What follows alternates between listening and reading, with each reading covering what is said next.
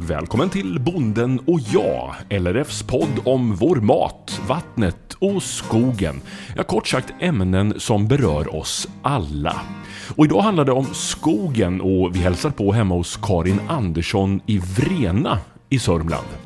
Och vi sitter på hennes balkong i huset som hon faktiskt hyr ut. Och genom uthyrningen så märker hon av att kunskapen om lantbruk och skog ja, den är ganska liten bland hyresgästerna. Det här är övervåningen på gårdens mangårdsbyggnad som jag sedan eh, 23 år sedan faktiskt hyr ut via Bo på lantgård. Bo på lantgård är en ideell förening då med, som vi har ju gårdar över hela landet. Och det är ju ett koncept där gäster får komma och, och bo på verksamma gårdar och eh, ja, lite vara med och följa. Det är inte så att man har folk i haserna precis hela tiden men eh, att det kan bli att de, de, kan klappa lite kaniner och mata lite kalvar och, och, plocka lite ägg och så är de ganska nöjda med det då. Ja, vad spännande. Mm. Och då kan ju du berätta lite hur stor kunskap tror du människor har som du möter? Till exempel om skogen vi ska prata om idag. Mm. De som gäst, om jag går till mina gäster som kommer hit så är det ju nästan uteslutande Stockholmsfamiljer med barn och kunskapen om lantbruk och skog och annat är ju väldigt liten.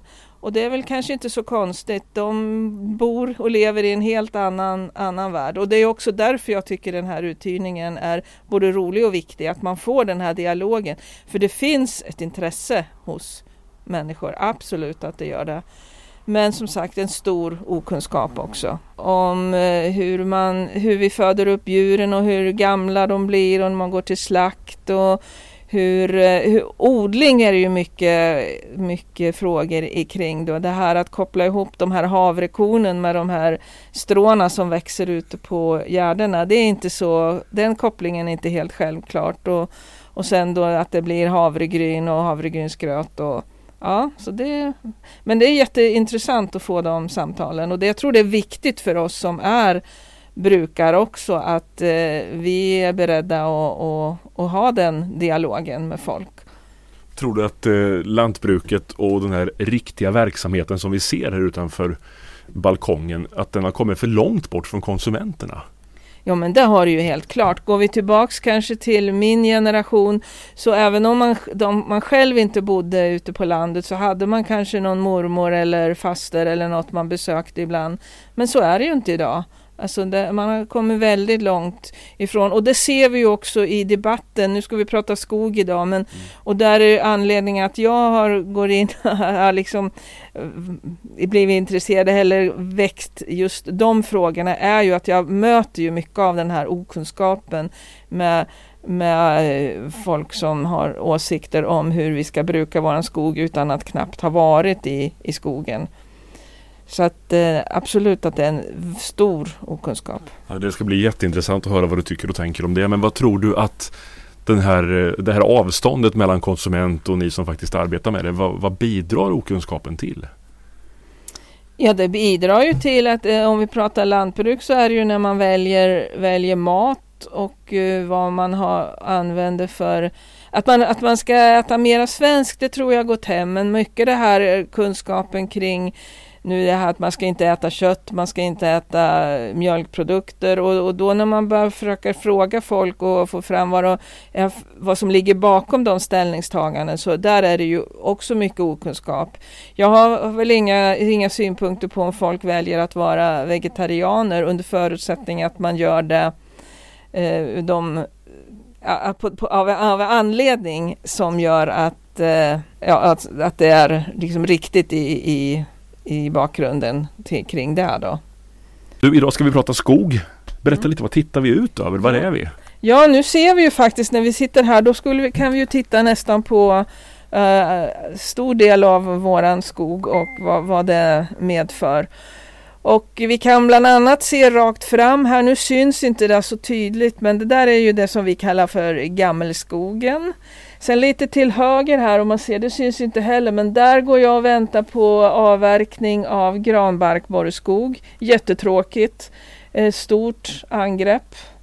Vi kan se eh, där det är lite öppet, där vid sjön, där är skog som vi tog bort för eh, ett, några år sedan och har öppnat upp eh, betesmark istället, återställt gammal betesmark. Och sen, det syns inte när vi har, men alltså vi har, jag har också en bit med ädellövskog med ek som man sparar för och, och sköter eh, tillsammans med Skogsstyrelsen då, eller de har ju synpunkter på hur man ska sköta den skogen. Det är 50 hektar blandskog kan man väl säga, ungefär eh, 40 procent eh, 45 procent eh, tall och 45 procent gran och, och, resten löv. Då.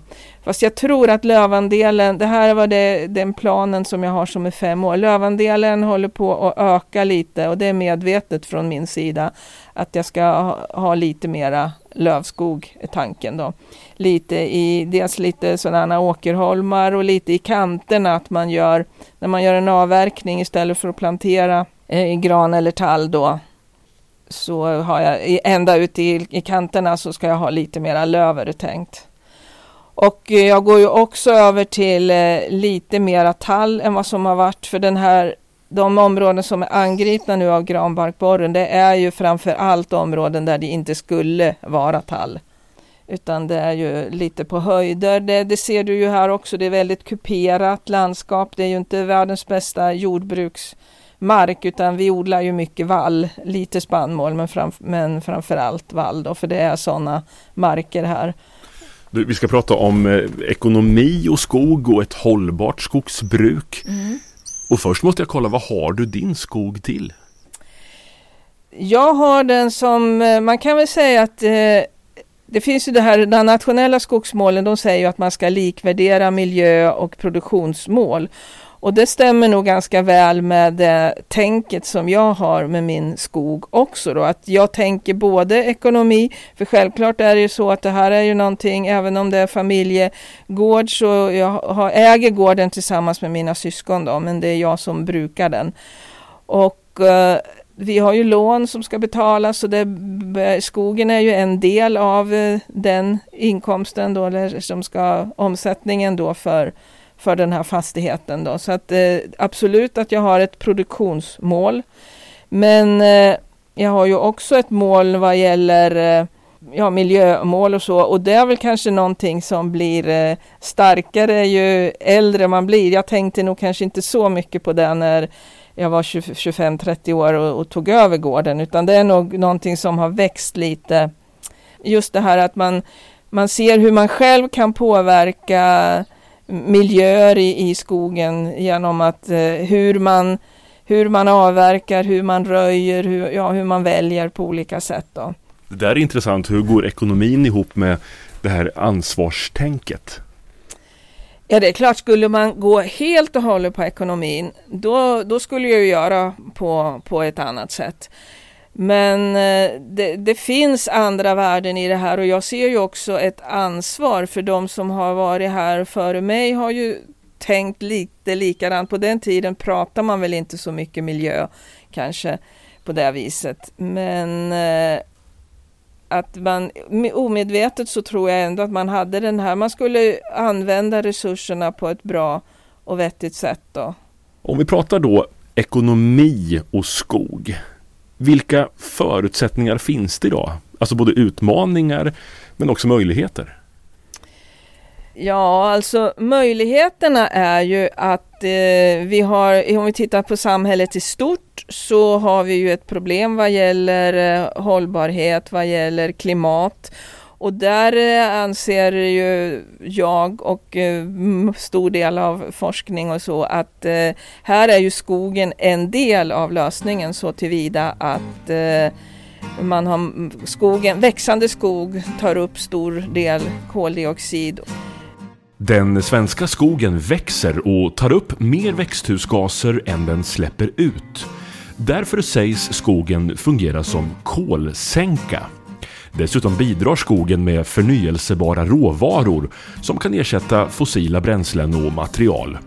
På så sätt ger skogen alltså ytterligare en betydande minskning av utsläppen av växthusgaser. Källa Naturvårdsverket.se När det gäller ekonomi och så, så är det naturligtvis för, för vårat företag här så är ju det alltså vi det räknar ju med att vi ska ha en viss inkomst från, från skogen. Sen är det ju det som jag ser som ett litet problem idag är ju att om man tittar på priserna på sko köpa skogsmark. Det, det, är ju inte alls eh, någon eh, i paritet till avkastning vad den kan ge. Så att köpa skog, åtminstone i de här delarna av landet och, och räkna någon, någon kortsiktig eh, avans på det, det tror jag inte riktigt att de, de kalkylerna håller till. Vad, vad, menar du med det? Blir det för dyrt mot ja, vad det alltså, egentligen är värt? Eller? Ja, i förhållande till vad skogen kan avkasta så betalar man, tycker jag, för mycket för skogsmarken. Varför idag. är det så tror du? Därför att det finns andra intressen också kring det här. Det är ju mycket kan ju handla om jakt. Det är ju viltrika marker i, i Sörmland och det är det här också. En del ser det ju som en tillgång och andra som ett problem. För jag ser det ju till ganska stor del som ett problem. Det är framförallt vildsvin vi har problem med här då, som, som eh, försvårar och eh, när det gäller odlingen och både dels försvårar och dels gör att jag inte kan odla precis de grödor som jag skulle men, vilja. Men varför betalar man för mycket för skog då? Ja, det kan inte jag svara vad, på. Vad tror du? Vad beror det på om det, om det är så? Nej men alltså att man, man har ett intresse av, av jakt. Det kan vara boende, det kan vara Uh, och sen kanske det också lite långsiktig investering. För det är klart, jag vet ju att jag också har pratat med de som köpte skog kanske på 70-talet och som där alla andra skakar på huvudet och sa att det är de dumma som betalar sådana priser. Men som sen med facit i hand har kunnat konstatera att det var en väldigt bra mm. affär. Och eh, det är klart att ska man idag man ska investera och gör, gör, ja, man har kanske pengar man ska investera i någonting och då tror jag också att skogen kan vara intressant för många. Och det kan ju i sig vara positivt det också då att istället för att man investerar i IT så alltså mm, investerar man i skog och hos en del av de här skogsägarna finns nog ett, i botten ett intresse för det här. Även om man kanske är i den situationen att man inte är helt beroende av, av avkastningen. Mm. Men det finns ett intresse att, att driva skogen. Men vad är risken tror du med att personer som köper skog som kanske inte har intresset för skogen. Vad är problemet med det? Vad är faran med det? En av styrkorna med svenskt skogsbruk det är ju att vi är många ägare. Alltså vi är väldigt många som äger. Jag tror det finns 330 000 privata skogsägare. Och vi tänk, alla vi tänker ju lite olika och det är väl det som gör att vi ändå har den mångfalden som vi har i skogen idag. Alltså jag har ju mitt sätt att tänka när jag sköter min skog. Och eh, någon annan så har, har lite till viss del en, en annan uppfattning och, och, gör på lite annat sätt. Och därmed inte sagt att den ena av oss gör mera rätt eller fel. Utan det är, det är ju också så att det här med skogsskötsel, det har ju varierat väldigt mycket över tid. Eh, även då myndigheter som Skogsstyrelsen och så, de, de rekommendationer och den rådgivning man gav på 70-talet, den är ju inte alls samma som man gör idag. Jag tror just det här att vi tänker, alla tänker lite olika att, och det är, eh, att det är positivt för hur den svenska skogen ser ut idag och att vi har den mångfald som vi faktiskt har. Men det gör också att ni får ganska mycket åsikter mot er va? Mm. Hur ni sköter skogen. Vad har du varit med om där?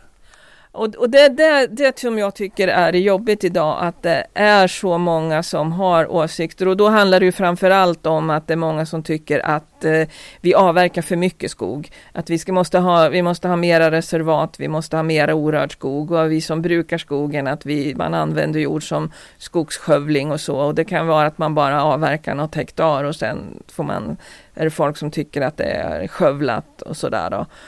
Och eh, det är ju så att i, idag har vi ju så mycket skog som vi har i Sverige idag. Det har vi aldrig haft. Alltså vi har och sen är det ju en ganska stor del. Jag, jag ska egentligen inte säga några siffror för jag har inte det så där klart för mig. Men jag tror att det är ungefär en fjärdedel av skogen, den svenska skogen idag som är lämnad orörd. Och då är det antingen via reservat som eh, det kan ju vara samhället då som har på olika sätt löst in reservat och, och, och så vidare.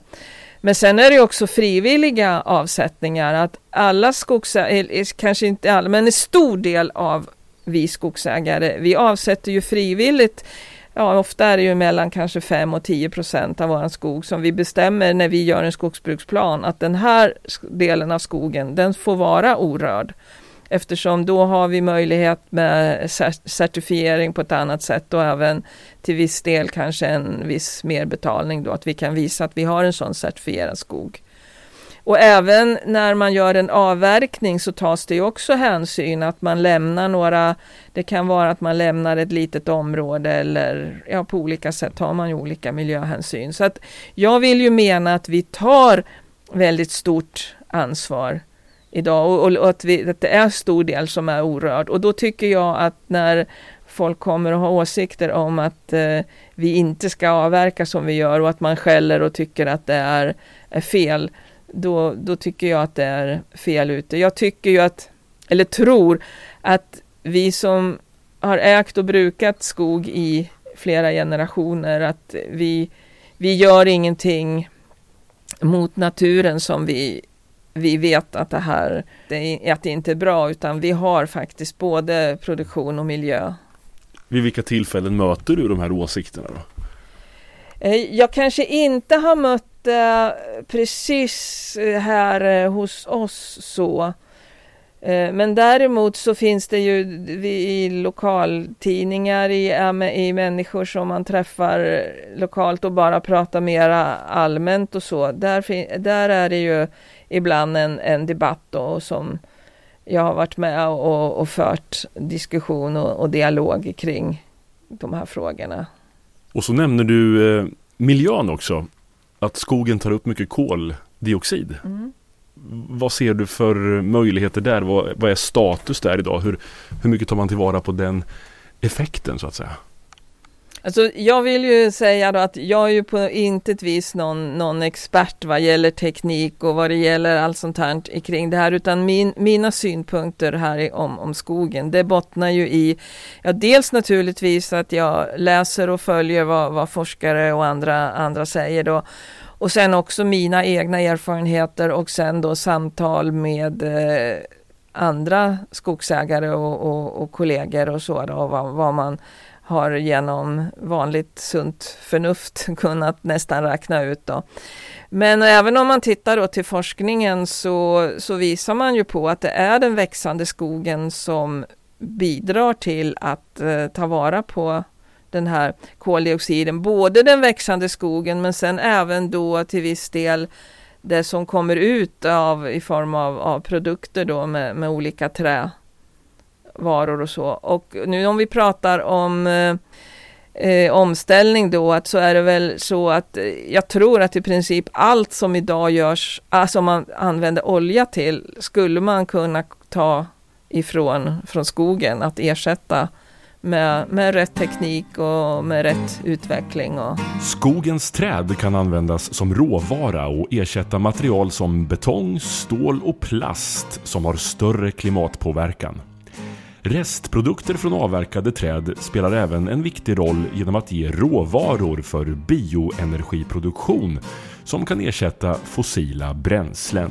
Med ett hållbart skogsbruk där det sker en kontinuerlig återplantering och där man tar hänsyn till markens kolförråd och långsiktiga produktionsförmåga kan skogen fortsätta att avverkas om och om igen utan att det sker någon nettoförlust av kol över ett längre tidsperspektiv.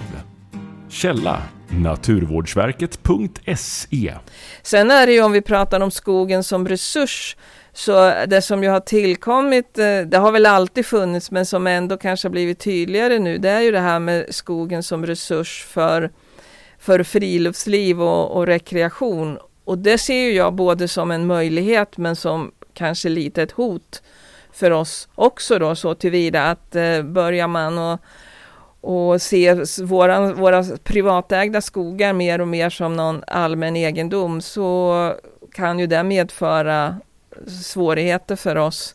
Vi kan ju se den här stora skogen som vi ser utöver här. Kommunen har nyss gjort eh, en, eller man håller på att ta fram en ny översiktsplan.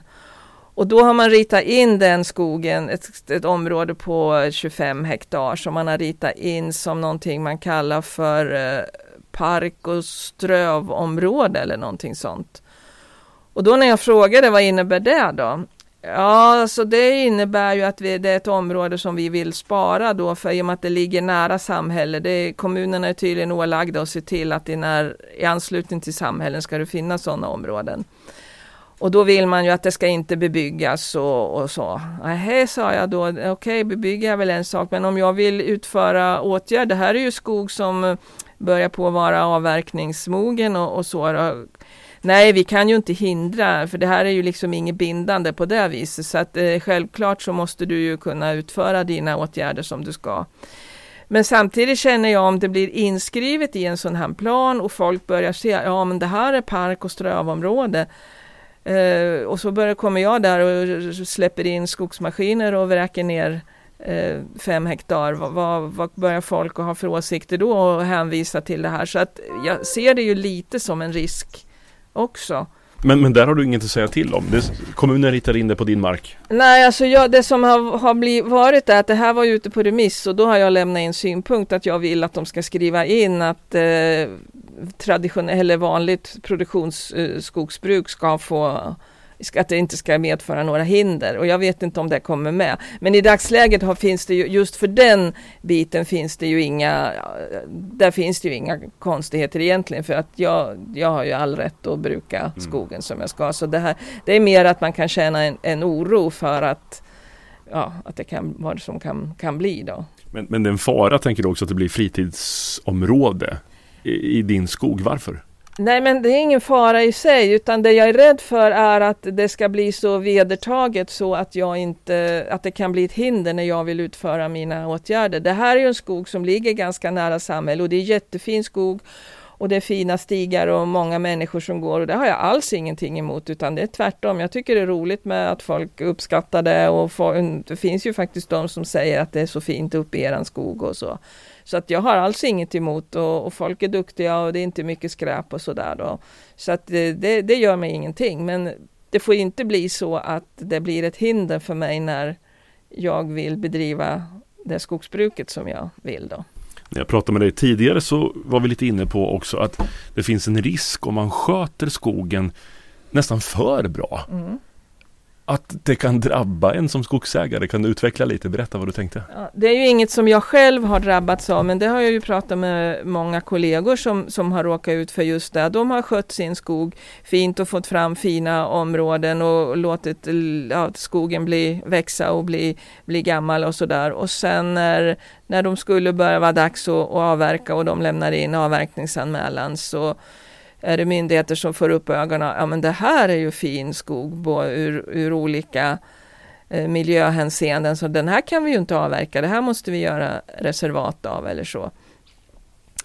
Och så det har ju, så, så att det är inget jag själv har drabbats av men att det, det har ju hänt och det är ju också och det har jag också hört folk som säger att nu måste jag skynda mig och avverka den här innan det är någon som kommer och har synpunkter på. Och det blir ju också lite fel om det blir det som ska styra. Att det blir naturreservat istället för att man får bruka sin skog? Någon, olika, no, någon typ av, av restriktioner då, nyckelbiotoper och, och annat då.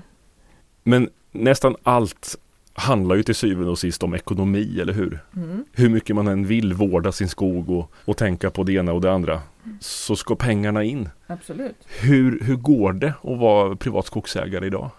Ekonomiskt? Um, alltså det är ju jättesvårt att säga för så är det ju med all företagsamhet både inom, inom jord och skog att det beror så mycket på grundförutsättningarna, vad, hur, hur, mycket, hur mycket mark har man, vilka avkastningskrav har man, hur, eh, hur mycket lån har man och eh, det, det, är så mycket, och vilken typ av skog. Alltså nu har, som vi har här så har jag relativt stor del äldre skog som är eh, börjar på att vara avverkningsbar här inom de närmsta år om inte granbarkborren tar allting för mig.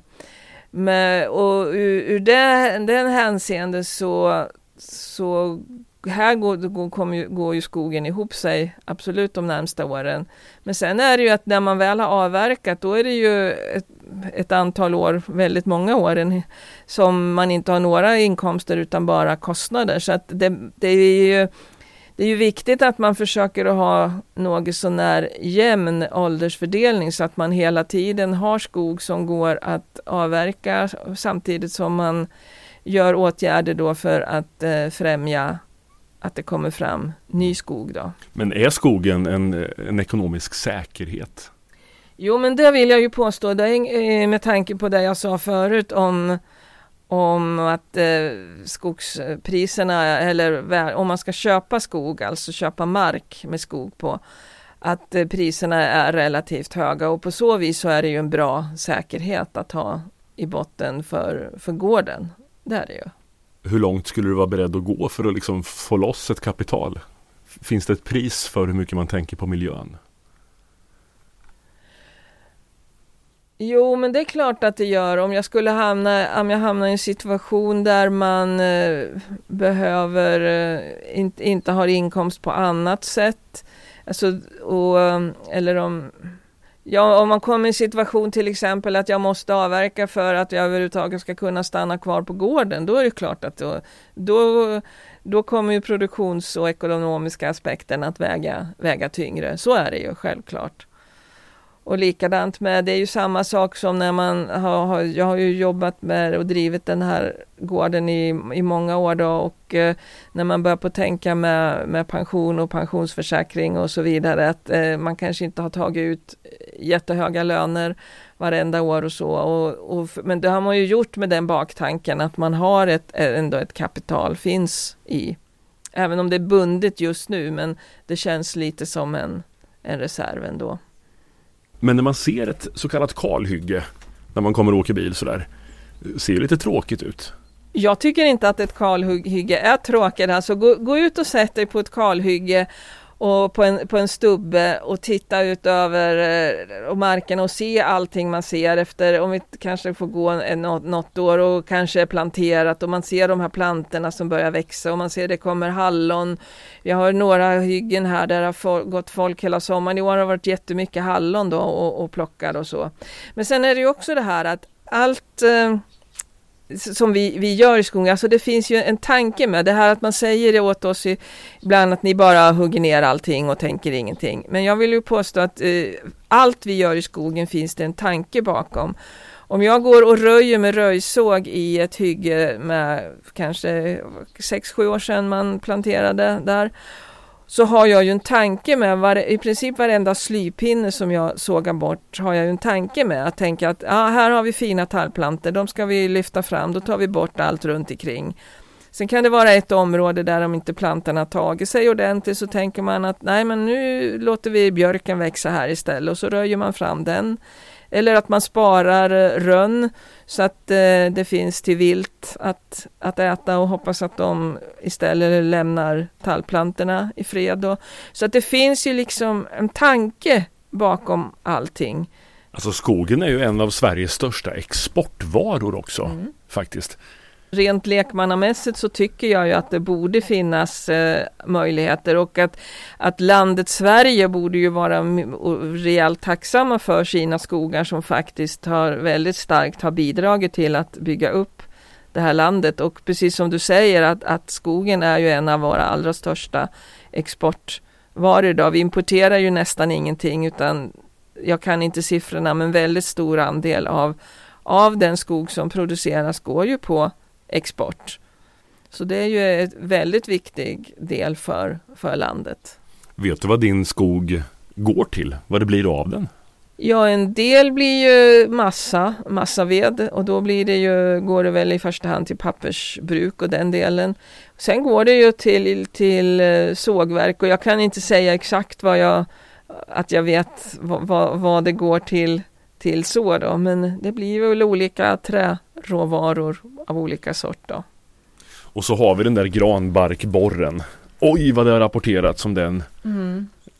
vilken relation har du till det här lilla odjuret? Om man får ja, säga den, så. den relationen är inte särskilt positiv kan man säga. Det är faktiskt jättetråkigt för som jag sa då så har jag, högg lite i höstas och fick bort en del och sen har jag nu ett nytt och som jag väntar på att de ska komma och ta och det här är ju, det går ju så fort alltså det här som, eh, som de ska hämta nu då. Det var ju sånt, jag gick och tittade och tittade och såg just ingenting och sen helt plötsligt så tyckte jag bara någon månad senare man tittar så var, fanns det rätt så stora angrepp. Och eh, det här är ju fin granskog, sånt som hade, skulle bli fint grantimmer som, som nu går förlorat då. Eller ja, det blir väl bränsleved av det då. Men eh, och det här är ju, alltså det här kan ju bli förödande effekter, även om jag kanske inte allra hårdast drabbat då, men jag har ju sett bilder som ja, folk som har tagit med drönare och så åkt över områden med väldigt stora andelar och det är inte, så det här är ju, ja, det, det är ju så med, med mycket som vi lever med idag, vi som jobbar med med naturen på olika sätt. Att det är, det är så mycket vi inte kan påverka med, med väder och skade, skadedjur av olika slag och, och viltet. Vi pratade lite om det förut också då som ju också är ett, ett bekymmer. Och det är väl det som är mest frustrerande med det här jobbet som man sen har då att man är så beroende av eh, sånt som man inte kan påverka. Vi pratar med Karin Andersson, Berga gård, Vrena i Sörmland, om skogen. Och om vi då pratar lite framtid nu. Vad ser du för utmaningar, möjligheter? Ja, utmaningarna ligger väl lite i det som vi pratade om nyss då, att det är sånt här man inte kan påverka med olika skadeinsekter och så vidare. Sen ser jag väl även då den här som vi också pratade om, miljö biten då att det är starka röster inom miljörörelsen som tycker att vi ska eh, att vi måste ha, spara mera skog och vi ska inte använda skogen och det ska bli reservat och, och så vidare. Och jag har lite en, en obehagskänsla av att de här åsikterna ökar och att det här är en lite jobbig debatt kommer att bli. Och det ser jag som en stor utmaning att faktiskt dels att vi, vi ska naturligtvis ta det på allvar och göra allt vad vi kan för att vi som, som äger och brukar skog, att vi tar, den, tar miljöhänsyn och uh, på det sätt som vi gör idag och tar till oss nya rön och så vidare för att uh, bemöta det här då. Sen är det väl alltid en, en, utmaning i att få avsättning för sina produkter. Oavsett vad man producerar så, så handlar det väl om att eh, oavsett vad man producerar så måste man ju ha avsättning för det. Och då handlar det om att vi lär oss att använda skogen på, på olika sätt. Nu pågår det ju olika innovativa projekt för att hitta nya användningar med bland annat inom textilier och sådär. Vi har hela den här bränsle eh, kring, kring att använda alternativa bränslen och så vidare. Så att eh, det är, ju, det är väl en utmaning då att forskning och så vidare kan hitta lösningar på att vi har, har avsättning för skogens produkter. Det sker jättemycket där mm, i att absolut. utvinna olika bränslemodeller och sorter och att man också kan leda ström i papper och papper kommer från trä till exempel. Mm. Vad tror du den här skogen vi tittar på nu framför oss, din skog, kommer användas till om ja, vi blickar 50 år framåt? Ja, det är ju, det är ju jättesvårt, men jag, jag tror väl att mycket ändå handlar om det här traditionella med, med, med trä och eh, byggnation och, och bränsle och, och sådär. Men ja, även en del nyare. Det, det, alltså det är jättesvårt att ha någon, någon tydlig uppfattning där. Till sist måste jag fråga, vad tänker du när du tittar på din skog? Du har en sån här fantastisk blick när du kollar på dina marker. det jag tänker på, jag, jag tycker att det, det, är, dels så tänker jag på den med stolthet för att det, jag går ju själv väldigt mycket i skogen och man går och tänker på att då här ska man göra si och så. Sen vad jag tänker också, då är det ju arbete för att det spelar ingen roll hur mycket jag jobbar i min skog så blir jag ju aldrig färdig. Det finns ju alltid någonting mer jag skulle vilja göra och eh, då lejer jag ju ändå för för både gallring och, och slutavverkningar. Det jag gör själv är ju egentligen bara röjning och kanske någon första gallring och liksom lite underhåll på det viset. Men det finns ju ändå alltid, alltid någonting man, man vill göra mera. Stolthet och jättemycket arbete. Ja, det är väl en bra sammanfattning. Du har lyssnat till Bonden och jag, en poddradioserie från LRF. För fler avsnitt och intressanta ämnen klickar du dig bara vidare. Jag heter Mattias Lindholm och är programledare och producent för den här serien. Hoppas vi hörs snart igen.